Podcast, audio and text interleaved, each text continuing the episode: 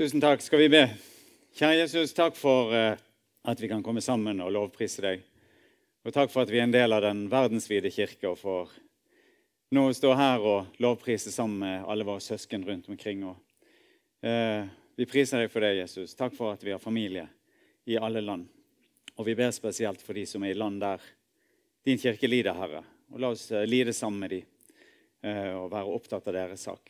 Så ber vi, Herre, også på dette møtet, at du fortsetter å tale til oss, og at, kan, at du kan tale inn i våre liv, Herre, og skape forandring der det er nødvendig. I Jesu navn. Amen. Jeg vet ikke om dere blir overrasket mange ganger eller sjokkert når dere ser på nyhetene på TV. Jeg har det sånn at Av og til så kan det være ganske sjokkerende. Leser Bergens Tidende nå, forresten. Men denne uken så var det, var det onsdag eller torsdag så var det på Dagsrevyen om, om grisebøndene. Om dere så den reportasjen. Og så får vi se liksom, Det er filmet med skjult kamera. Så får vi se hvordan, eh, eh, hvordan dyr, egentlig hjelpeløse dyr, da, i dette tilfellet griser, blir, blir slått og mishandlet og, og, skåret i uten bedøvelse. Og du sitter der med en sånn følelse av at eh, både overraskelse og sjokk over at dette foregår i vårt land. Og på en måte innenfor der som vi har og skulle ha innflytelse og skulle ha kontroll. Uh, og for mange bønder, og Nå tror ikke jeg grisebønder er noe verre enn andre mennesker i dette landet, her, men uh, så er det sånn, forteller de også foran kamera, sant? for det er skjult kamera, så forteller de at uh, egentlig så er dette kalkulert på en måte ondskap, kan vi si. Sant? At, de sier at ja, vi vet at dette ikke er lov, men sånn gjør vi det likevel. Vi må tjene penger. Og så, og, så, spilles dette ut innenfor, innenfor vårt land. Og så sitter en igjen med en sånn følelse av at uh, her blir det gjort stor urett. Og egentlig fordi vi er nordmenn og bor i dette landet, så føler en sånn, uh, i hvert fall jeg føler, en sånn, føler meg medskyldig. da. Både fordi jeg spiser svinekjøtt, men, også, er det ene, men, det andre er at du, du vil ha billige matvarer. Sant? Og det er press i, i, hele industrien. Og så velger folk åpenbart etisk galt. altså Det er ingenting som skal frata de ansvaret for de handlingene de gjør. Men så blir du liksom en del av hele dette. Og dette er grisene i Norge, men, eh, og det er på mange måter en ren sånn som det framsto i reportasjen, en ren og nesten kalkulert ondskap som dyrene blir utsatt for. Og hvis du lurer på om Gud bryr seg om dyrevelferd, så er svaret ja. Gud bryr seg om dyrevelferd. Og det er mange eksempler på det i Bibelen.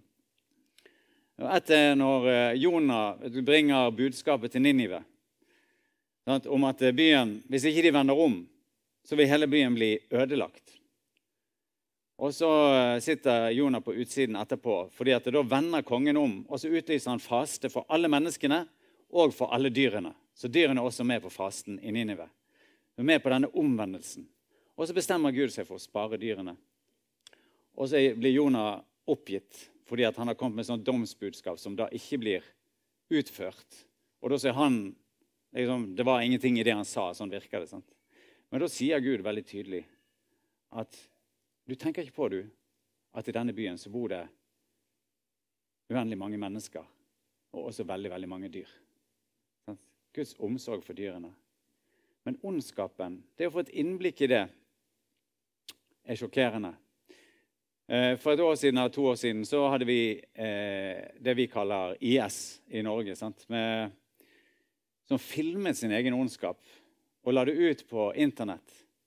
Og I begynnelsen så var det sånn at en eh, nesten kjente, i hvert fall kjente at jeg, jeg, må, jeg, må, se hva dette er for noe. Så var jeg inne på en video og så kanskje et titalls mennesker blir skutt og bare dumpet ut i en elv. Så tenker du hva, hva er det som skjer her? Hva er det som gir denne mannen sant? De er skutt av samme person. Hva er det som gir denne mannen glede i å utføre dette oppdraget? Så skjønner du egentlig at her er det bare det er bare ren ondskap, egentlig, som utspilles foran eh, kamera. Jeg, eh, og Vi har begynt med så vidt hjemme også. Eh, når vi ber om morgenen, så bruker vi en bok som heter Operation World. Er det noen som kjenner den boken? Den er informasjon om alle verdens land. Og Så kan en få litt eh, info om land, og så kan en be. Og Hvis du har lasta ned på telefonen din en sånn app, så kommer det opp et nytt land å be for hver dag. Og så bare noen få punkter eh, for det landet. Og Denne uken så ba vi for India, flere dager for India, faktisk. Men et av de eh, bønnetemaene var også dette som gikk på, på, på egentlig ondskap eller trafficking. Sant? Menneskehandel. Eh, og så fortalte de bare om hvordan statistikkene er i India. 11 millioner barn er forlatt. Sant? Lever uten foreldre. 3 millioner lever på gatene. To tredjedeler av barn i India ifølge eh, disse statistikkene er utsatt for en eller annen form for fysisk overgrep. 50% har opplevd eh, enten eh, ikke overgrep, men eh, noen seksuelle overgrep. Andre at de blir uønsket seksuell oppmerksomhet. Og I India så mangler, ifølge statistikkene, eh, så har du en sånn normalfordeling mellom kvinner og menn sant, i et samfunn. I, I, India, for at du skal være i balanse, så mangler det 35 millioner jenter. 35 millioner jenter mangler for at du skal ha balanse i samfunnet. Hvor er de blitt av? Vel, er, for mange fattige familier er det en katastrofe å få jenter pga. Uh, eh, systemet med medgift i India hvor du må betale for å få giftet bort jentene dine.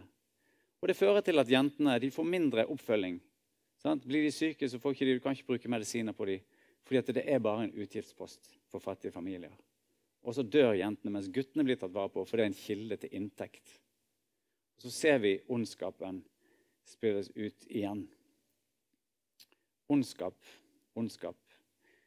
Når man ser på nyhetene og ser rundt i verden, så var det en som sa det er lettere å tro at det finnes en ond åndsmakt enn at det finnes en god. Det er lettere å tro på det onde enn på det gode. Her på gudstjenesten så har vi tatt opp sånne alfatemaer. Temaet i dag eh, som dere kanskje har skjønt, det er hvordan stå imot det onde. Hvordan stå imot det onde. Det er et alfatema. Vi begynner alfakurs i september her i menigheten. Og vi har sagt at vi ønsker å gå gjennom de ulike temaene her eh, som menighet før kurset begynner, sånn at vi er forberedt når kurset begynner. Og så er det selvfølgelig åpent for alle i menigheten også til å komme og bli med på selve kurset. Et av temaene der er hvordan kan vi stå imot det onde. Og jeg, eh, når vi forberedte dette, så tenkte jeg det er egentlig litt defensivt. Hvordan kan vi stå imot det onde? Selv om det er viktig nok å stå imot det onde. Men Bibelen gir faktisk enda mer et oppdrag som går utover det å bare stå imot det onde. Liksom, altså, Hvordan skal jeg stå imot det onde? For det Bibelen sier, og som blir tema her, sant? det er hvordan kan vi overvinne det onde. Hvordan kan vi overvinne det onde? Ikke bare stå imot, men overvinne. Romerne 12, 21 sier, la ikke det onde overvinne deg, men overvinn det onde med det gode. Det er ikke bare å stå imot, men det er faktisk å overvinne vi er kalt til. La ikke det onde overvinne deg, men overvinn det onde med det gode. Det gjaldt for f.eks. Eh, William Wilberforce. Sant? For han var ikke det bare liksom, Hvordan skal jeg unngå å bruke slaver? Sant? Det var ikke bare det som var hans prosjekt. Jeg skal leve et rent liv. Jeg skal, jeg skal, stå imot det onde. Men det var å overvinne hele slavehandelen. Og det er et oppdrag som går forbi bare det å holde seg unna noe. William Booth, eh, som grunnla Frelsesarmeen, var ikke bare å la være for min egen del å utnytte de aller svakeste i samfunnet. Men det var faktisk å stå opp og kjempe kampen. Sant? Og aktivt hjelpe og overvinne det onde. Hvordan bekjempe det onde? Eh, skal vi bekjempe det onde, så må vi gjenkjenne det onde. Bibelen gir faktisk ganske mange lister på ondskap og forteller også hva kilden eh, til ondskap er for noe. Her er en sånn lang liste, sant? og da kan vi bare reflektere inn i våre egne liv. Og noen av disse tingene som eh, jeg sier her, passer sikkert ikke i ditt liv. Mens andre passer i mitt liv, i hvert fall. Sant? Og så kan vi spørre Gud hva skal jeg gjøre med dette. Eh, Galaterne 5,19 det er klart hva slags gjerninger som kommer fra kjøttet. Hor, umoral, utskeielser, avgudsdyrkelse, trolldom, fiendskap, strid, sjalusi, sinne, selvhevdelse, stridigheter, splittelser, misunnelse, fyll, festing og mer av samme slag. Jeg har sagt det før, og jeg sier det igjen. De som driver med slikt, skal ikke arve Guds rike. Vi må gjenkjenne det onde. Sant? Vi må gjenkjenne at Bibelen kaller faktisk noe for synd. Så sier han at hvis du lever i synd, så har du ikke noe samfunn med Gud. Du, du, må, du, du, må, vende om og ta imot Guds nåde. Og så kan du igjen ha samfunn med Gud. Og så står det alle disse tingene sant, som er så negative, de står i samme avsnitt så står de imot, opp mot det som er åndens frukt. Og hør bare så flott det er beskrevet. Sant? Nå har vi hørt alle disse negative tingene. Så står det åndens frukt er kjærlighet, glede, fred, overbærenhet, vennlighet, godhet, trofasthet, ydmykhet og selvbeherskelse. Slike ting rammes ikke av loven. Her sto det fra kjøttet, sant? eller fra oss selv, fra vår onde natur. Og Bibelen beskriver eh, egentlig oss selv som en kilde eh, til ondskap. Det er ikke bare noe som er påført oss utenfra, men det er noe som vi, vi blir selv en kilde til denne ondskapen. Og det er en slags grunnskade etter syndefallet. Sant? At eh, vi mennesker vi søker ikke det som hører Gud til, men vi står opp mot Han. Det er en grunnskade. Grunnskaden er beskrevet sånn eh, i Romerne 1.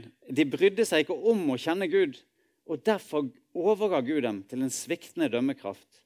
Så de gjør slikt som ikke sømmer, sømmer seg. I vår, vår, natur som mennesker så står vi opp mot Gud. Og kanskje enda mer i våre vestlige samfunn, der vi har lært så veldig dette her, at du er din egen herre. Sant? Du bestemmer over ditt liv. Du skal ikke ha noen autoritet over deg.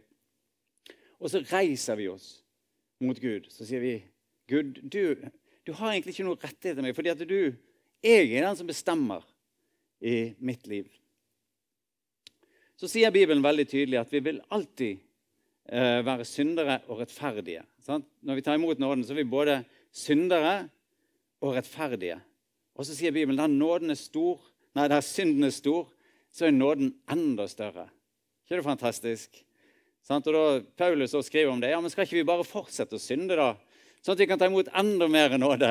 Sant? Er, ikke det, er ikke det bare bra? Da får vi erfare liksom Guds store nåde. Så la oss bare leve stikk i strid med det som er Guds eh, ord og hans ordning for, oss, så får vi erfare enda mer nåde. Nei, sånn er det ikke. Og vet du at vi må aldri, aldri slutte en fredsavtale med det som Bibelen kaller for synd. Det må vi ikke gjøre. Aldri slutte en fredsavtale. Vi må ta Guds ord på alvor, og vi må velge bevisst og aktivt å stå i den kampen mot det onde og mot ondskapen som vi kjenner i vårt eget liv. Og her har vi et kall både til eh, å erkjenne sant? Gud, gi meg et sant bilde av mitt eget liv. Gi meg et sant bilde av mine holdninger, sant? av mine tanker. Gi meg et sant bilde. Gi meg ditt bilde av dette. Så tror jeg at Når vi ber den bønnen, så vil vi oppleve at Den hellige ånd taler og peker på Sant? Det er noen ting her som du skulle eh, tatt et oppgjør med. Sant? Da får du en erkjennelse av at her er det noe, også i mitt liv. Og erkjennelse fører til bekjennelse. Sant? Erkjennelse kommer først, og så kommer bekjennelse. Og når vi får bekjent noe, så mottar vi eh, Jesu nåde i retur. Og så blir vi fri. Sånn det, det, er sikkert mange av oss, inkludert meg sjøl, som har båret på ting som vi har gjort galt. Og så bærer vi på det over lang tid. Vi får liksom aldri gjort opp. Og så ligger det der og tar liv og tar liv og tar liv. Dag ut og dag inn, uke etter uke. istedenfor at vi bare går og sier unnskyld. Sant? Kanskje var det en person vi gjorde urett mot. Kanskje eh, handlet vi eh, i strid, eh, eller vi sto imot Gud. Så kan vi be om unnskyldning, og så får vi frihet tilbake. Sagt det før her, men jeg, jeg syns det er utrolig flott å lese disse reportasjene som går igjen og igjen i avisen. Sant? En butikksjef som sier det kom en person her 30 år etter at han hadde stjålet noe og leverte noe penger og sa jeg ville gjøre opp min skyld. Og så står det alltid i disse reportasjene han var blitt en kristen. han var blitt en kristen. Nå måtte han få orden på livet sitt. Jeg hadde sjøl en sånn kamerat jeg som ringte meg. Vi bodde sammen for mange mange år siden, sikkert 10-12-15 år siden. Så sier han eh, jeg har blitt en kristen. Og En av de der CD-ene som du hadde, da vi flyttet fra hverandre, så tok jeg den. Og den er her hos meg. Hva er adressen din? Jeg skal sende den i posten til deg. Du trenger ikke sende den i posten. Halleluja, sant? men du er tilgitt. Fantastisk. Er ikke det utrolig at vi får lov til å oppleve sånne ting? Og at folk også blir Med Den hellige ånds hjelp så blir vi overbevist om disse tingene som ligger der, som tar liv, og som vi kan bli fri fra. Og Der kan Gud få jobbe inn i livene våre eh, også i dag. Skal vi bekjempe eh, det onde, så må vi gjenkjenne det onde. Skal vi bekjempe det onde, så må vi også gjenkjenne den onde. Den onde. Det er ikke bare sånn at all ondskap kommer fra oss selv. Det er også åndsmakter. og Bibelen taler veldig tydelig om det. Og det må vi være klar over. Og mye av dette er blitt borte i vår, våre vestlige kulturer. At Gud er ikke den eneste åndsmakt. Jeg var, snakket med en uh, indisk dame. Så sa hun dere her i det åndelige universet i Vesten så fins det bare liksom, Gud, og så er det menneske. Og mellom der så er det helt tomt. Liksom ingenting. Det er bare Gud og menneske. Og Enten tror du på Gud, eller så tror du ikke på Gud. Som for oss i India så er det rommet der det er fylt av mange ting. Sant? Onde åndsmakter og masse rart sant? inni der. Og det påvirker oss mennesker. Og Bibelen er veldig tydelig på at, eh, at det er det som er riktig. At det fins onde åndsmakter, onde ånder. Og det fins en hersker over de onde åndene som kalles djevelen. Så sier vi på norsk så sier vi 'kjært barn har mange navn'. Sant? Og Djevelen er ikke noe kjært barn, men han har mange navn. Og mange av oss omfavner den også lett. Djevelen betyr på latin heter 'diabolos'. Det betyr ganske enkelt. Er det noen som vet hva det betyr? En baktaler baktaleren. Baktaleren.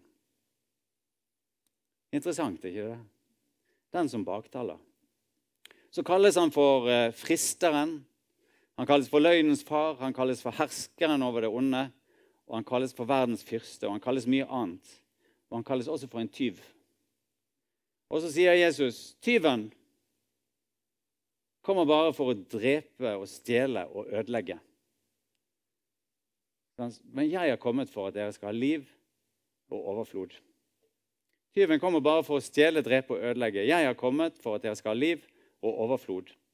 Hvordan jobber djevelen? Han jobber på mange måter, og jeg kan ikke nevne alle her.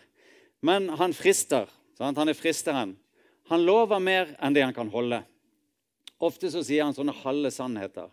Sant? Da han var eh, til de første menneskene, til Eva, så sier han, kommer han og frister så sier han har Gud virkelig sagt at du ikke skal spise av dette treet her?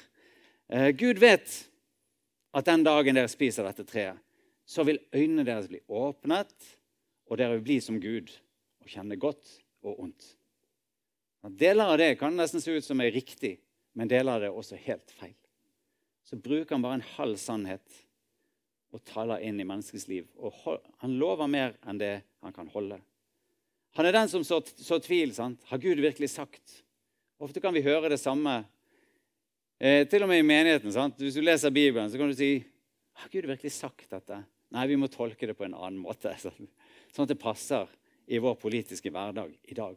Har Gud virkelig sagt? Han er løgneren. Han sier det du gjør der, er ikke så veldig farlig. Alle gjør det. sant? Ikke bry deg. Det er nok ikke helt i tråd med sånn som Gud ønsker du skal leve men alle gjør det. Og dessuten så er det ganske artig. Abraham vet vi om. Han dro av gårde til et land, eh, men han dro av gårde uten å vite hvor han skulle eh, reise. Og Vi har snakket om det før, at han kunne gjøre det fordi han visste hvem han dro med. Han visste hvem som ledet han. Men djevelen jobber litt på samme måte. Han leder også på en vei som vi ikke vet hvor ender. Han leder litt skritt for skritt. Prøver litt og litt. sant? Bitte lite grann til, bitte lite grann til. Og til slutt så er du fanget i hans garn. Vi kan snakke om noen ting som er vanlig å snakke om sant? Eh, på denne veien. Det ene gjelder alkohol. Det er faktisk ingen eh, som har problemer med alkohol, eh, og som er avhengig av alkohol eller narkotika for den del, som da de begynte, sa at målet mitt er å bli avhengig. Ingen. Men de begynte å teste ut. Og litt etter litt så ble grensene flyttet. Og til slutt så satt du i avhengighet. Det samme gjelder pornografi eller sex. Litt grann pornografi på Internett kan vel ikke skade. Snarere tvert imot. Det kan være et krydder i hverdagen. Sant? Så begynner en liksom å eh, rasjonere med dette. Og så dras en inn, og til slutt så sitter en avhengig av å leve ut eh, veldig, veldig syndige tanker som står Gud imot. Jeg har sjøl eh, en venn som er eh, avhengig av pornografi. Han forteller av og til hvordan det er nesten umulig å komme seg ut av det. Og han har lagt inn masse masse, masse sånne sikkerhetsgreier.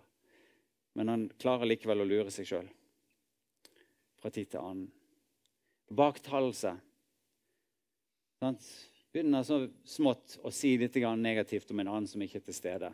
Og så utvikler, de, utvikler de vi det litt mer og mer. Det er jo viktig for oss sant? å ha et felles bilde av realitetene. Sant? At denne personen her, sånn som hun opptrer, det er egentlig ikke så bra. Sant? Og så eh, gir vi det der næring, og så blir det galt. Løgneren sier han vil gi liv. Djevelen sier han vil gi liv. Men Bibelen gir et annet bilde. Jesus sier Tyven kommer bare for å drepe og stjele og ødelegge. Og jeg har kommet for at dere skal ha liv og overflod. Hvordan skal vi så overvinne det onde? Jeg tror det er viktig at vi erkjenner, sånn med alt dette som bakteppe nå, at vår kamp som står i Bibelen, er ikke mot kjøtt og blod, men mot makter og åndskrefter, mot verdens herskere i dette mørket, mot ondskapens ånde her i himmelrommet. Så sier Bibelen ta derfor på og Dette passer fint for oss nordmenn fordi vi kommer fra vikingbakgrunn. Sant? Så vi kjenner, ut, kjenner, dette med hvordan en kledde på seg en rustning. Tror vi, vi tror at noen vikinger hadde rustning.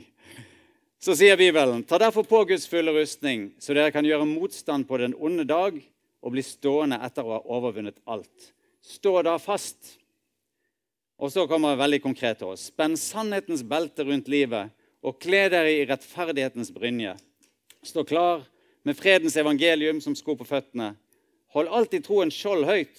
Med den kan dere slukke alle de ondes brennende piler. Ta imot frelsens hjelm og åndens sverd, som er Guds ord. Gjør dette i bønn og legg alt frem for Gud. Be alltid i ånden.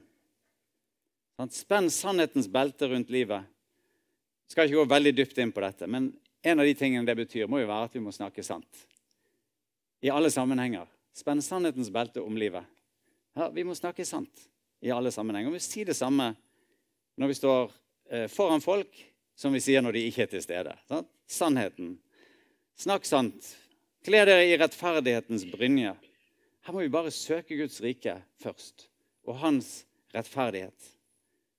Kjempe for den. Opp mot dyremishandling, opp mot human trafficking, altså menneskehandel. Sant? Opp mot alle sånne ideologier eh, som står Gud imot. Søk Guds rettferdighet og kjemp for rettferdigheten. Stå klar med fredens evangelium som sko på føttene. Eh, det er jo rart å ha evangeliet som sko, men eh, skoene tar vi på oss når vi skal noe sted. Sant? Og jeg tror nok nettopp dette budskapet om nåde, et fredens evangelium, det er det som kan bringe oss inn i en nær kontakt eh, med andre. Hvor flott lyder fortrinnene av de som bærer et godt budskap, står det et annet sted. Hold alltid troen skjold høyt. Med det kan dere slukke alle den ondes, brennende piler. Hva betyr det? Hold deg tett til Gud. Tro på Han, og tro på Hans løfter. Sant? Løftene gjelder i går og i dag. Sant? De gjelder. Bibelen er veldig konkret. Løftene gjelder også i ditt liv. Våg å stå på løftene. Ta imot frelsens hjelm. Hva betyr det? Betyr at vi må være trygge i nåden. Sant? Der står vi. Djevelen sier at du må gjøre masse ting for å bli frelst. Men Jesus sier det er fullbrakt. Og så skal vi bruke åndens sverd, som er det eneste angrepsvåpenet som er nevnt. Og sammen med Guds ord så er dette åndens sverd skarpere og levende og virkekraftig og skarpere enn noe tveegget sverd, står det i Bibelen. Det trenger gjennom til det kløver sjel og ånd, marg og bein, og dømmer hjertets tanker og planer. Så står det til slutt.: Gjør dette i bønn og legg alt framfor Gud.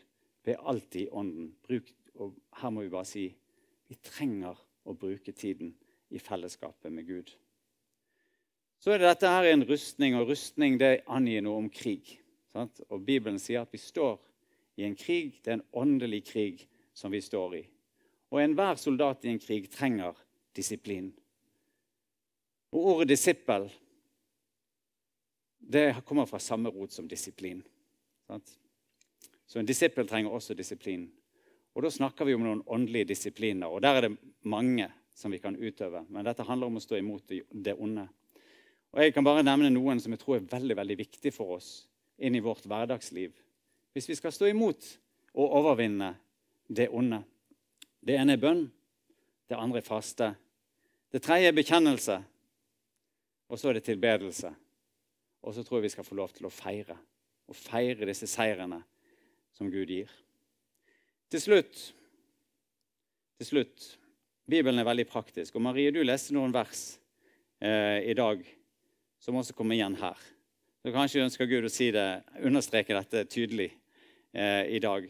Og det er faktisk, Jeg prøvde å sette opp hvor mange punkter dette er, som står før konklusjonen kommer, at eh, la ikke det onde overvinne deg, men overvinn det onde med det gode.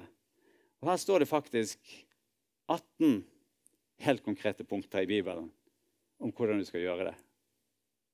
Når du skal lese de 18 punktene, og så kan det få tale inn i våre liv. Så kan vi kanskje få delt det også skriftlig i løpet av sommeren sant? ut til uh, menigheten. Og så kan vi reflektere over dette også gjennom sommeren. Romerne 12, vers 9-21. La kjærligheten være oppriktig. Punkt nummer én. La kjærligheten være oppriktig. To. Avsky det onde, og hold dere til det gode. Tre. Elsk hverandre inderlig som søsken. Sett de andre høyere enn dere selv. Fire. Vær ikke lunkne, men ivrige. Fem. Vær brennende i ånden, tjen Herren. Seks. Vær glad i håpet. Sju. Vær tålmodige i motgang. Åtte. Vær utholdende i bønn. Ni. Vær med og hjelp de hellige som lider nød. 10. Legg vind på gjestfrihet. 11. Velsign dem som, dem som forfølger dere. Velsign og forbann ikke. 12. Gled dere med de glade, og gråt med dem som gråter. 13. Hold sammen i enighet. 14. Gjør dere ikke for høye tanker, men hold dere gjerne til det lave og vær ikke selvkloke.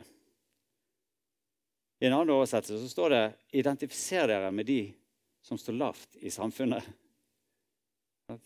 Søk fellesskap også med de. 15. Gjengjeld ikke ondt med ondt. Ha tanke for det som er godt for alle mennesker.